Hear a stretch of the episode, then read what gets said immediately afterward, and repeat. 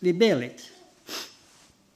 Herre, nå takker vi deg for ordet ditt, som aldri vender tomt tilbake, Jesus. Du sender det lykkelig ut til å utføre akkurat det som det skal gjøre. Og nå sitter vi innenfor ditt ord denne kvelden her, og så sier vi 'Her er vi', og så taler du til oss, Jesus. Så herliggjør du deg sjøl, og herliggjør ditt navn, Jesus, og herliggjør ditt ord midt iblant oss. Takk at du er stor, Herre. I Jesu navn. Amen.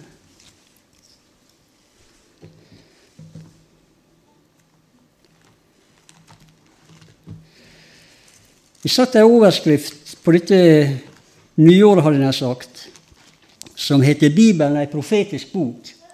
Når jeg var forstander, så var det ofte sånn at når vi kom til et nytt år, så åpna vi profetiene, både for å se litt om hva som hadde skjedd i året som lå bak, om det var noe fra det profetiske ord som hadde gått i oppfyllelse. Det er jo noe av det som er så spennende med vår tid, at profetier som står i Bibelen, og som har vært profetier i, i 1000 og 2000 og 3000-4000 år, plutselig så blir de oppfylt rett foran øynene våre. Det er det som er spennende med vår tid.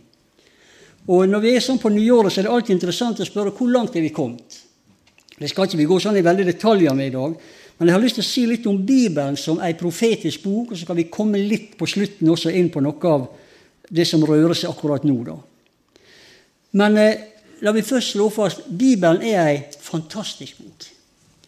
Eh, Bibelen er verdens mest solgte bok gjennom tiår etter tiår. Hvis du tar med Bibeldeler også, Bibel og Nytestamentet. Verdens mest solgte bok i tiår etter tiår. For et par år siden så var det sånn, unnskyld uttrykket, det er ikke mitt, husmorpornografisk bok som heter 'Fifty Shades of, of Grey', eller noe sånt, som solgte veldig. Og da skriver avisene med sånne krigstyper 'bestselger'. Men de hadde jo ikke sjekka godt nok, selvfølgelig. For Bibelen var jo igjen bestselgeren. Men det er liksom ikke noen nyhet. Det er det vi er vant til. Så vidt jeg vet, så var det bare én gang på 70-tallet at ei bok solgte bedre enn det totale bibeltallet. Og det var i begynnelsen av Det var to, en eller to eller 73 når en milliard kinesere ble tvunget til å kjøpe Maos Lille Røde. Da slo Maos Lille Røde Bibelen ett år.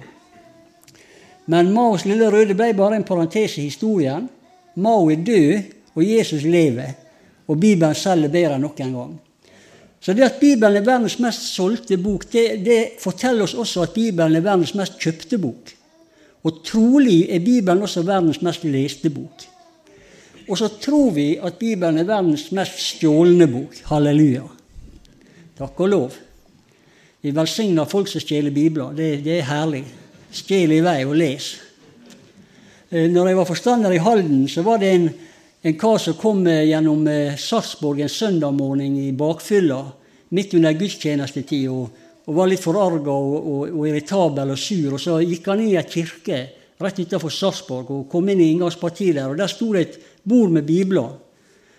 Så gikk han og stjal en bibel og putta seg gikk hjem. Så hadde han liksom gjort dagens onde gjerning den dagen òg. Og i kort historie, da, gjør, gjør det til en kort historie, han, han leste Bibelen og ble frelst. Kom inn på evangeliesenteret, gikk på bibelskole og lærte Guds rett og galt. Og så gikk det opp for ham at han kunne ikke bare stjele en bibel, han hadde jo gjort noe galt. Så han gikk tilbake til den kirka for å gjøre opp for seg og kom inn og, og forklarte dem dette. her. Og så viste det seg at de lå der til gratis utdeling. Så Guds veier er uransakelige. Men eh, jeg syns det å stjele Bibelen det, det er det eneste jeg syns er greit å stjele. Han må ikke si at jeg har sagt det. da. Men det er ei fantastisk bok, og det er bare å lese.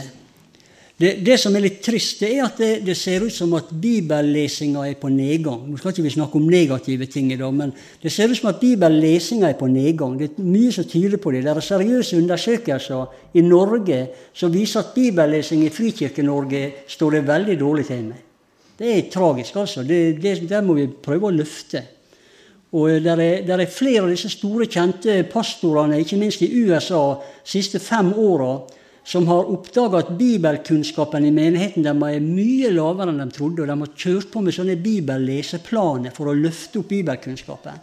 Det kan vi si med sikkerhet, at eh, den tida vi går inn i nå, er det viktig å kjenne Guds ord. Det skal jeg si dere. Det ser vi på trendene innenfor kristenheten. og og ikke minst i vår egen norske kirke, men vi må passe på oss sjøl også. At det, det, det, Frafallet må komme, står det. Og Jesus sier at på slutten så blir flokken delt i to. Rett innenfor bortrykkelsen og brudgommens komme så blir flokken delt i to.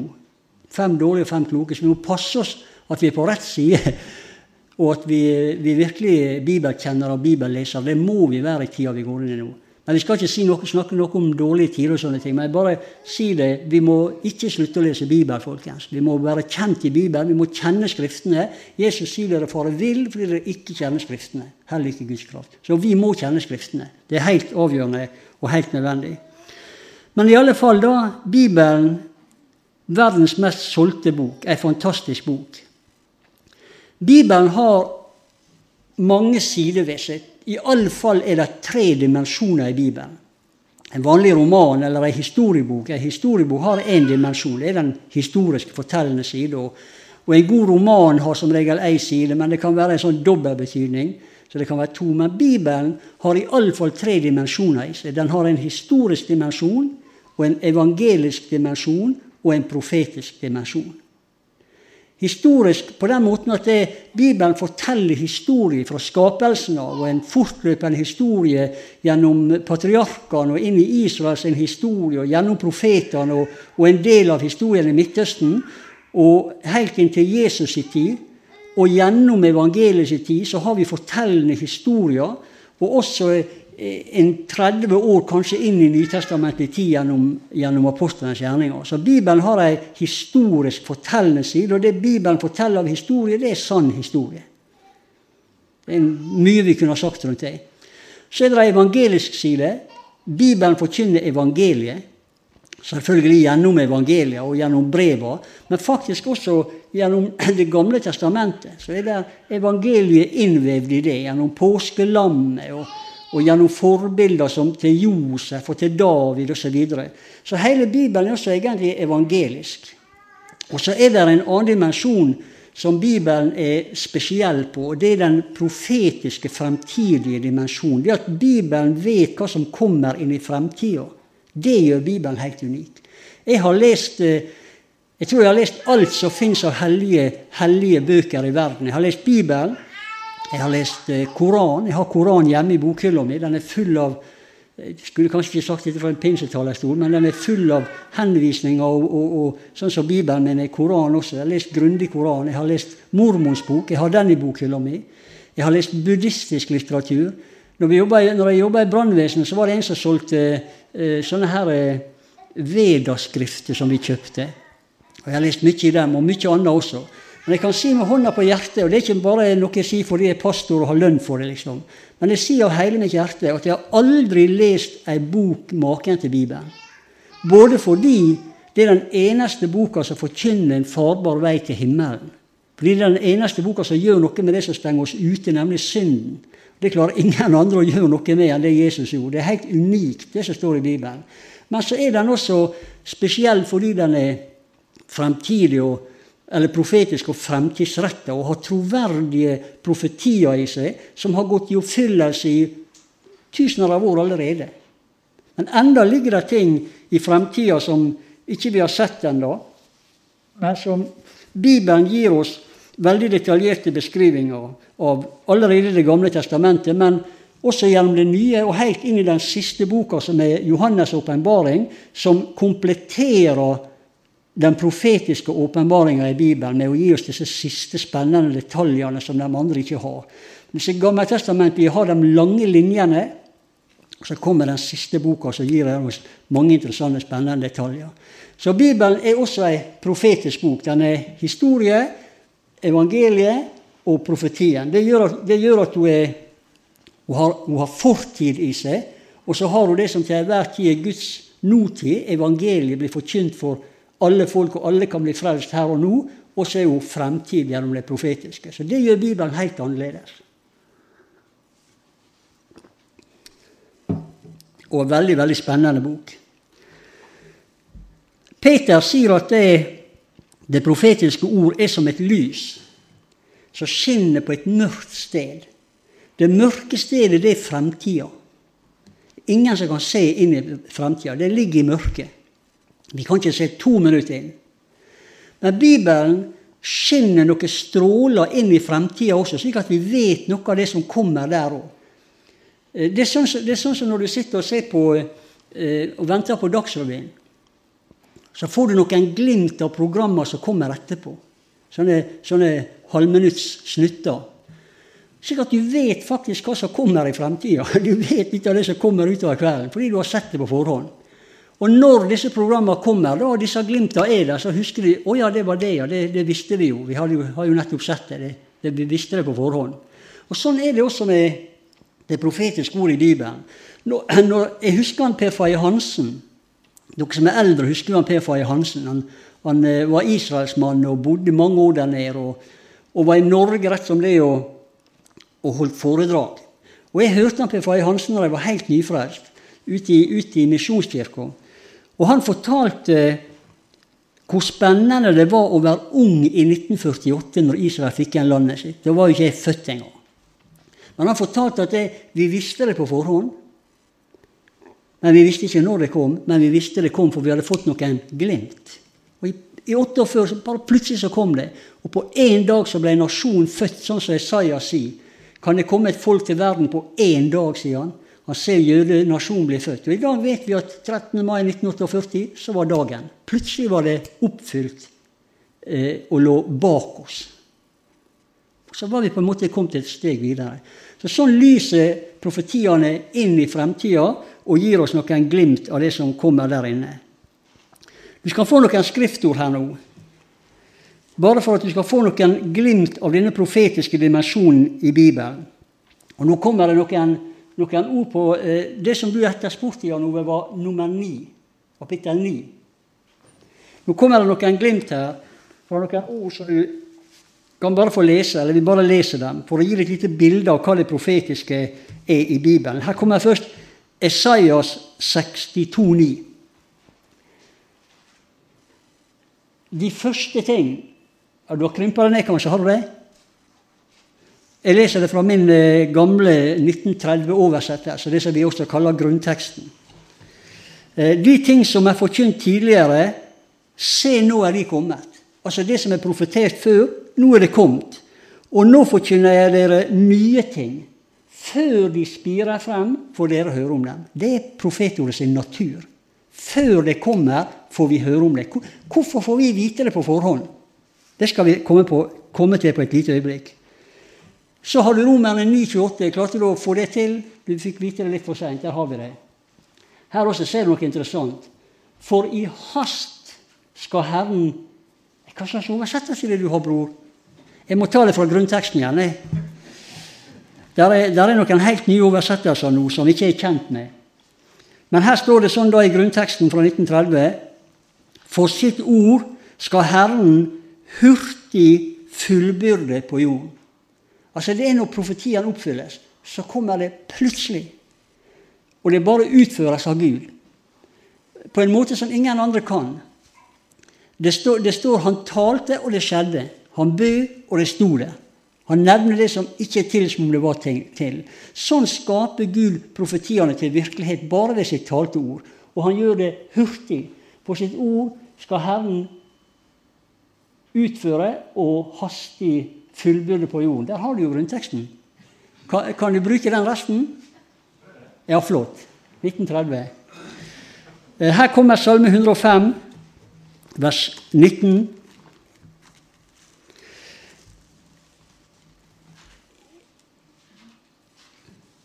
Ja, ok.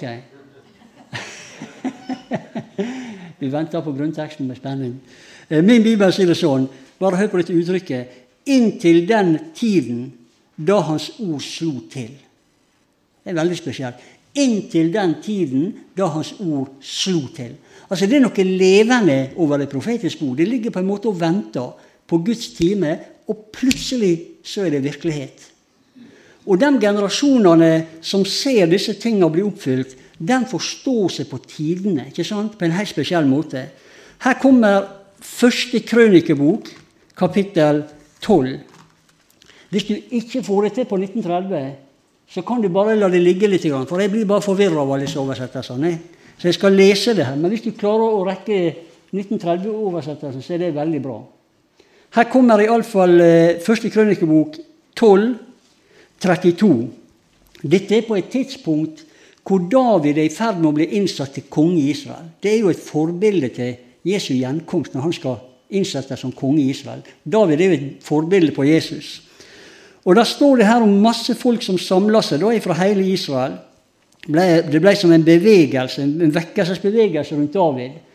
Og Folk kom og slutta seg til han fra hele landet, og alle hadde et hjerte om å gjøre han til konge på denne tida. Men så står det bl.a. i, i 1. Krønikebok 1232 av Isakars barn kom det menn, og vi kan godt tenke kvinner også, for kvinner også forstår seg på tidene. Det ser vi av hun som venta på Jesus, og Anna Fanuelsdatter. Hun satt og venta. Hun var ei kvinne, men hun forsto seg på tidene, for hun hadde lest Skriftene og skjønte tida. Av Isakars barn kom det menn som forsto seg på tidene, så de visste hva vi kan tenke Guds folk hadde å gjøre. Av Isakars barn kom det menn som forsto seg på tidene, så den visste hva Guds folk har å gjøre. Altså, Hva er hensikten med at Gud åpenbarer det profetiske? Jo, vi skal forstå oss på tidene, så vi skjønner hva som er Guds plan med sitt folk i denne tida. Det er ikke fordi at vi først og fremst skal øke kunnskapen vår, men det har en, en hensikt at vi skal forstå hva som er Guds plan med Guds folk i vår tid. Det skal vi la dette munne ut i litt sånn etter hvert. Men her ser du den nødvendigheten av å forstå seg på tidene. Og i Johannes 14, 29, der står det sånn Det er Jesus som sier Nå har jeg sagt dere det før det skjer, for at dere skal tro når det skjer. Der ser du også en hensikt med profetien, nemlig å skape tro styrke troa vår fordi de ser Guds fotspor i historien, men også skape tro hos mennesker som ikke kommet til tro ennå. Der, der, er så mange eksempel på mennesker som har fått høre om profetiene om Israel, f.eks., og som har kommet til tro gjennom at de ser fotsporet av Gud i historien i Midtøsten. Nok kristne har forklart dem profetiene og sagt 'se her', og og i dag er det oppfylt. Og så har folk kommet til tro. Eh, noen av dere husker han Jon Justsen oppe i Brattvågen? Han ble frelst på den måten der. Det var en på jobben som, som eh, Det var i 1967, der denne her var det da seksdagerskrigen var? Så var det en på jobben som viste han til Skriftene, og han kom rett og slett til tro av det. Jeg har sagt dere det før det skjer, for at dere skal tro når det skjer. Gud setter fotprint i, i historien som er helt umulig å bortforklare. Jeg husker i, i 1991 må det ha vært. Da jobba jeg i brannvesenet i Ålesund. og Da satt vi eh, noen stykker på vakta en dag. Og så var det et eller annet som skjedde på TV.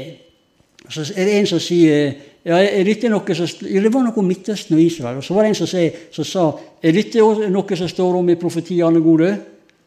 Så gikk jeg ned og henta Bibelen min, og så viste de en del ting i, jeg hadde med meg Bibelen på rommet. Viste dem en del ting i, i, i Bibelen om Israel.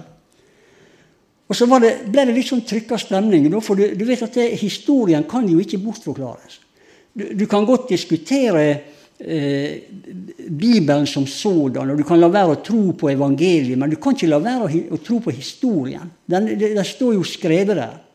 Så dette at Israel var kommet tilbake, og Bibelen sier det, det ble veldig alvorlig og trykkende. Så var det en som hissa seg litt opp, og så sa han ja, det er greit for deg å sitte her og snakke om oppfylte profetier, men kan du si en som ikke er oppfylt, så skal vi se.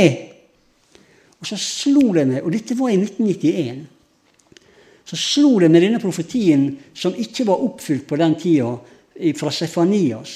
Eh, fra, eh, fra fra landskapet bortenfor elvene i Etiopia skal jeg hente mitt spredte folk, står det.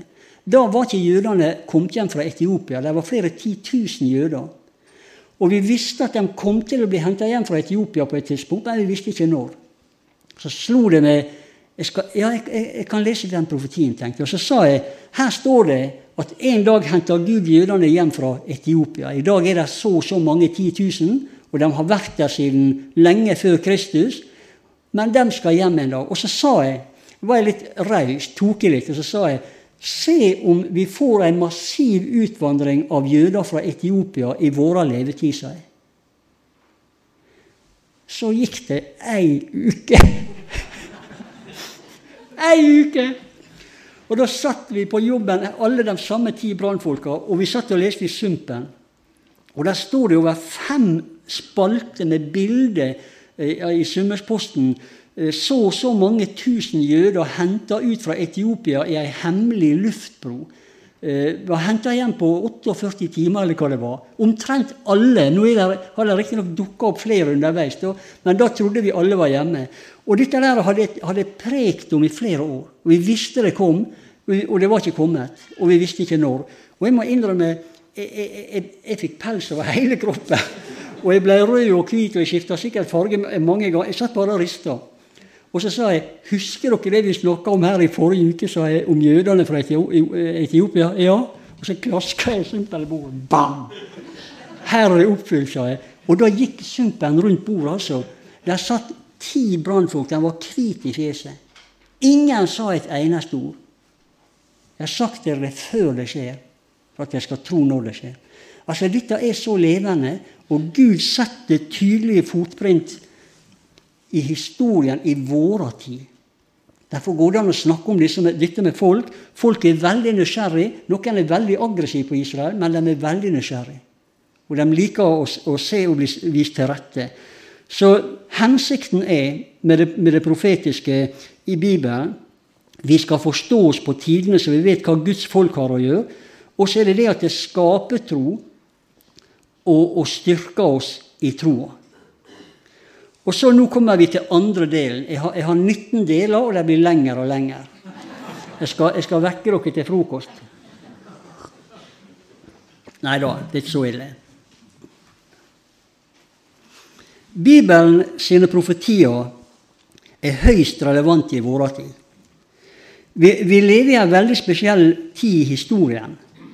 Og jeg tror at det vi ser i dag i Israel og Midtøsten, det har ingen generasjoner fått sett før oss. Der er vi en chosen generation, holdt jeg på å si, en utvalgt generasjon som får se det som skjer i Midtøsten. Og Dette er en menighet som er godt kjent med profetiene. Men bare, bare, en kjapp, kort repetisjon, så vet vi at Jesus, for å holde oss til Han, sa at eh, eh, det skal komme en dag da denne byen Jerusalem skal kringsettes av krigsherrer. Og det skal bygges en jordvoll rundt dere, og dere skal trenges fra alle sider. og Alt skal rives ned. Det skal ikke bli en stein på stein. Og så vet vi hvordan romerne oppfylte dette i år 70. Og jødene blir spredt utover hele verden frem til iallfall 136 med et veldig oppgjør, eller opprør med Bar Kokpa, tror jeg han heter.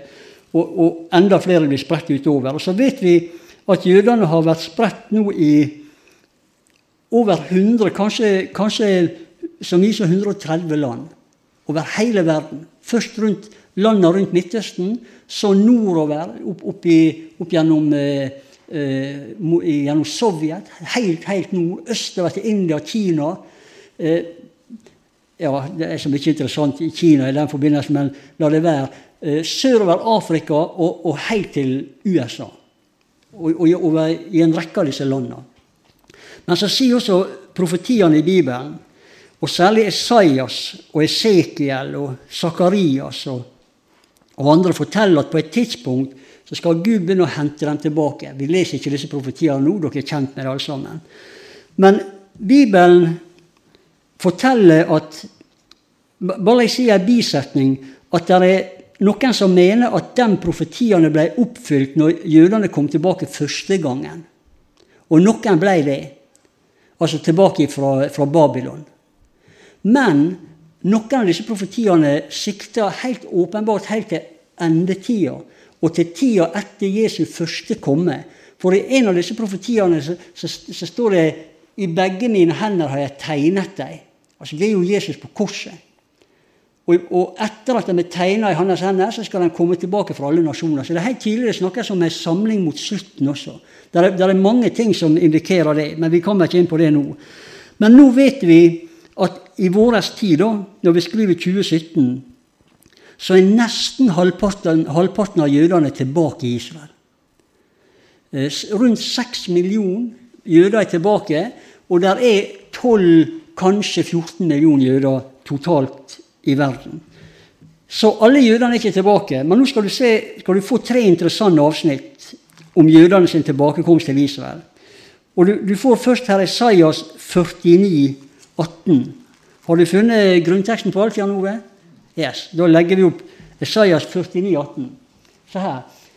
Løft dine øyne, Sion, og se deg omkring. De samler seg alle sammen. Legg merke til denne detaljen. De kommer til deg. Så sant jeg lever, sier Herren, du skal iføre deg dem alle sammen som en prydelse og binde dem opp om deg som bruden gjør. Altså, landet Sion skal se at alle jødene kommer tilbake. Nå er halvparten kommet. Så har du 60 vers 4. Løft dine øyne, Sion, og se deg omkring. De samler seg alle sammen. De kommer til deg. Dine sønner skal komme fra det fjerne. Dine døtre skal bæres på armen, osv. Alle sammen. Og til, til slutt bare i den forbindelsen Esekiel 39, 27. Når jeg fører dem tilbake fra folkene og samler dem fra deres fienders land, og åpenbarer min hellighet på dem for mange folks øyne Klarer du det fortløpende også? Det neste også? Ja, hvis ikke, så kan jeg lese det. Beklager, jeg skulle ha gitt det noen påfølgende der òg. Men jeg skal lese dem her.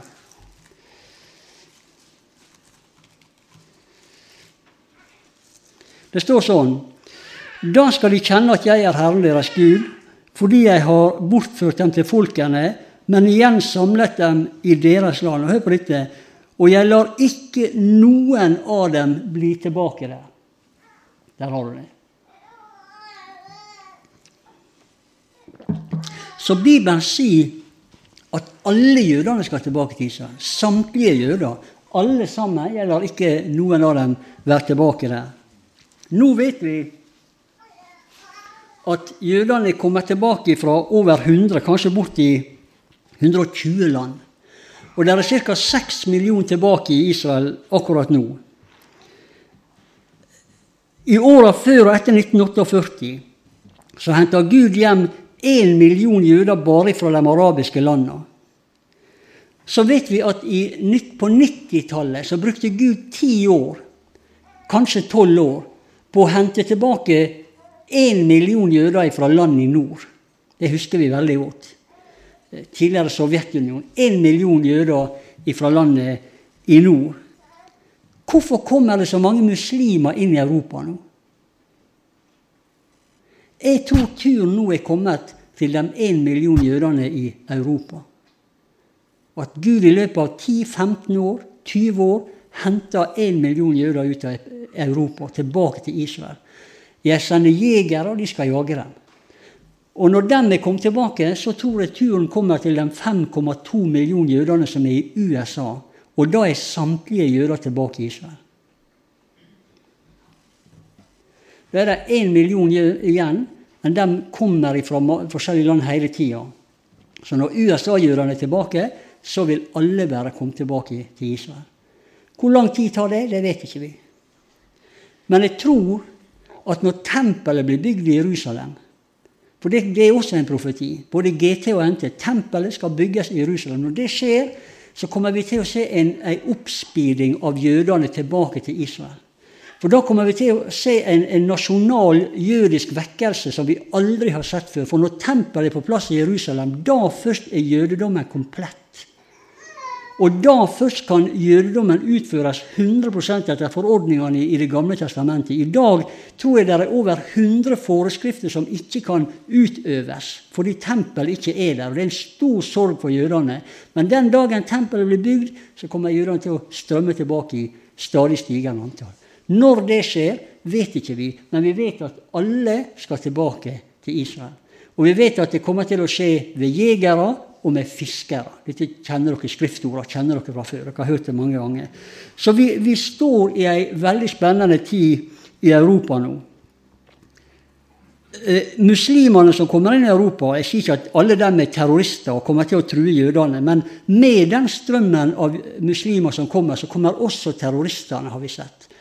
Og i, i, Europa nå så har det vært utøvd eh, forferdelige handlinger av muslimske fundamentalister. De har drept og massakrert. Og de har de har fått stor eh, oppmerksomhet i avisene.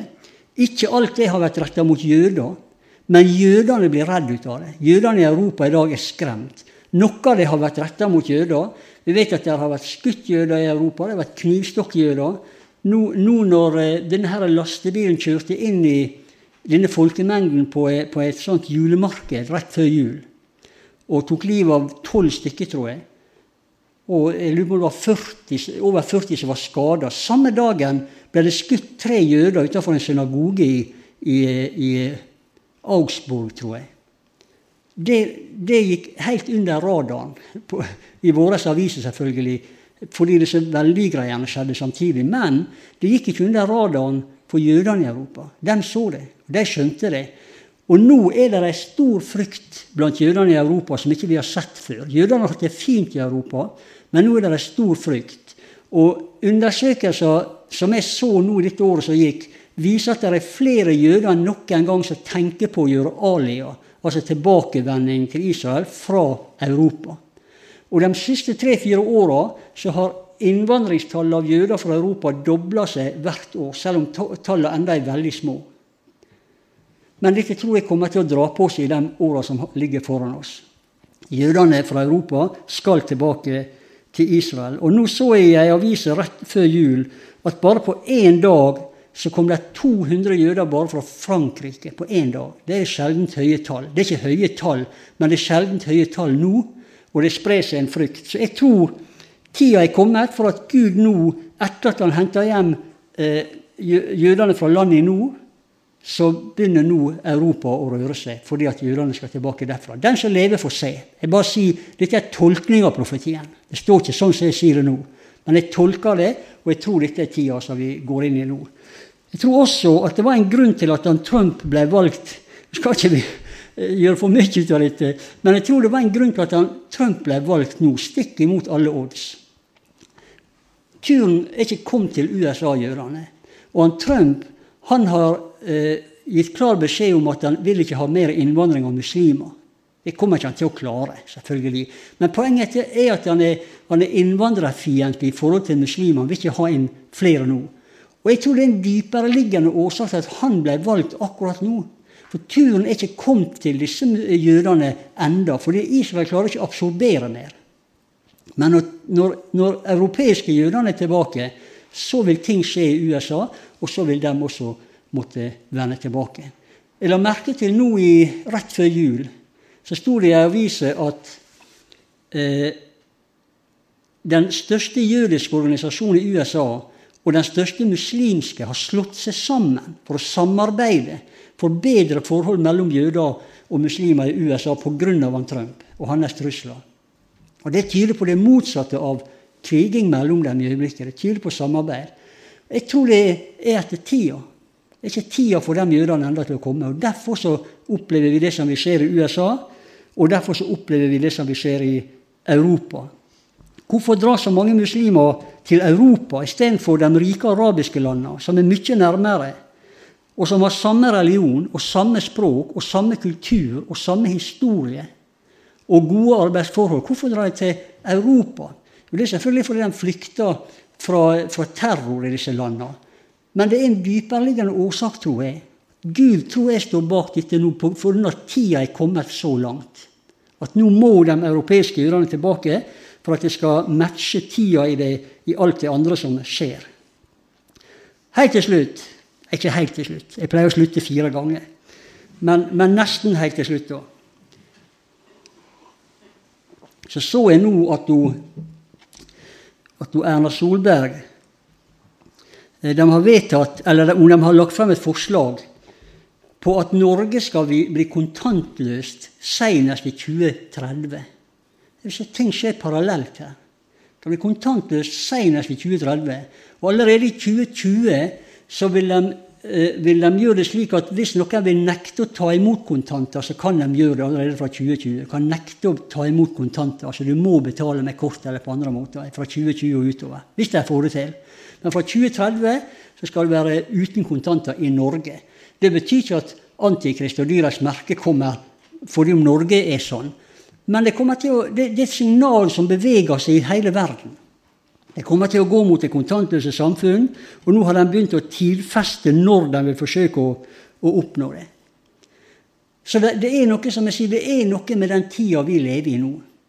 Og det viktigste for oss som menighet, ikke bare her, men alle menigheter og enkeltindivider, det er at vi forstår oss på tidene, så vi vet hva Guds folk har å gjøre. Vi skal altså ikke bare sitte bakoverlent og, og, se og beundre Gud for hans storhet og alt Gud gjør i historien og sporene som han setter. Men han viser oss dette fordi han har en plan med menigheten. Og nå kommer de to siste skriftordene. Jeg vet ikke hva du har først. Du har den. Se på dette her. Dette evangeliet om riket skal forkynnes over hele jorderiket til et vitnesbyrd for alle folkeslag. Og så skal enden komme. Guds plan med menigheten i vår, i vår, tid det er at misjonen skal nå de siste målene sine før Jesus i det hele tatt kan komme tilbake. For vi vet fra Johannes' åpenbaring at den bortrykte menigheten skal bestå av folk fra hver tunge, stamme, folk og ett. Altså må evangeliet ut til alle folk før Jesus kommer. Og Hvis du har det siste, som er Esaias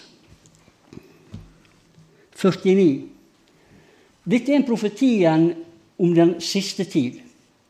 Han sier til Jesus det er for lite at du, Messias, er min tjener til å gjenreise Jakobs stammer og føre den frelste resten av Israel tilbake. Det, det skjer nå. Derfor vil jeg også gjøre det til hedningenes lys, for at min frelse må nå til jordens ende. Ser du at det er parallelt med at Jesus fra himmelen henter jødene tilbake til Israel. Parallelt med det så skal Guds frelse nå ut til jordens ende. Det er verdensmisjonen. Og Guds plan med menigheten er helt tydelig. Vi må ha fokus på å bringe evangeliet ut til hver tunge stamme, folk og ett. Også i Norge. Også i vårt naturlige nedslagsfelt og vårt nærmiljø. For Hellingefolka, for å si det sånn, de er jo kommet til Norge i tusener. I lille Volda, med 7000-8000 mennesker, har vi delt ut bibler på, på kjøpesenteret på over 20 språk. Altså i lille Volda. Skjønner du? Misjonsmarka er rett rundt veggene våre. Er naboene våre. Og Gud vil at i denne tid så skal hvert menneske høre evangeliet. Det må være fokus for oss som menighet, for alle menigheter, for alt Guds folk. Vi må rett og slett innby oss til Gud og si hvordan kan du bruke meg, Gud, i denne tida? Det er helt tydelig at dette er Guds plan i vår generasjon. Og alt folket sa For å si det sånn til slutt altså Dette er ikke en tid for å være sløv. Da er du født på helt feil tidspunkt. Da skulle du leve i middelalderen. Dette er tid da Gud trenger alt sitt folk til, til målretta styring av midler, til målretta styring mot misjon. Vi skal være som en bitte liten brikke i et stort arbeid som Gud har, og sluttføre misjonsoppdraget. Og så skal Jesus komme tilbake. Det er noe av det som er Guds agenda i vår tid. Det var alle 19 punkter.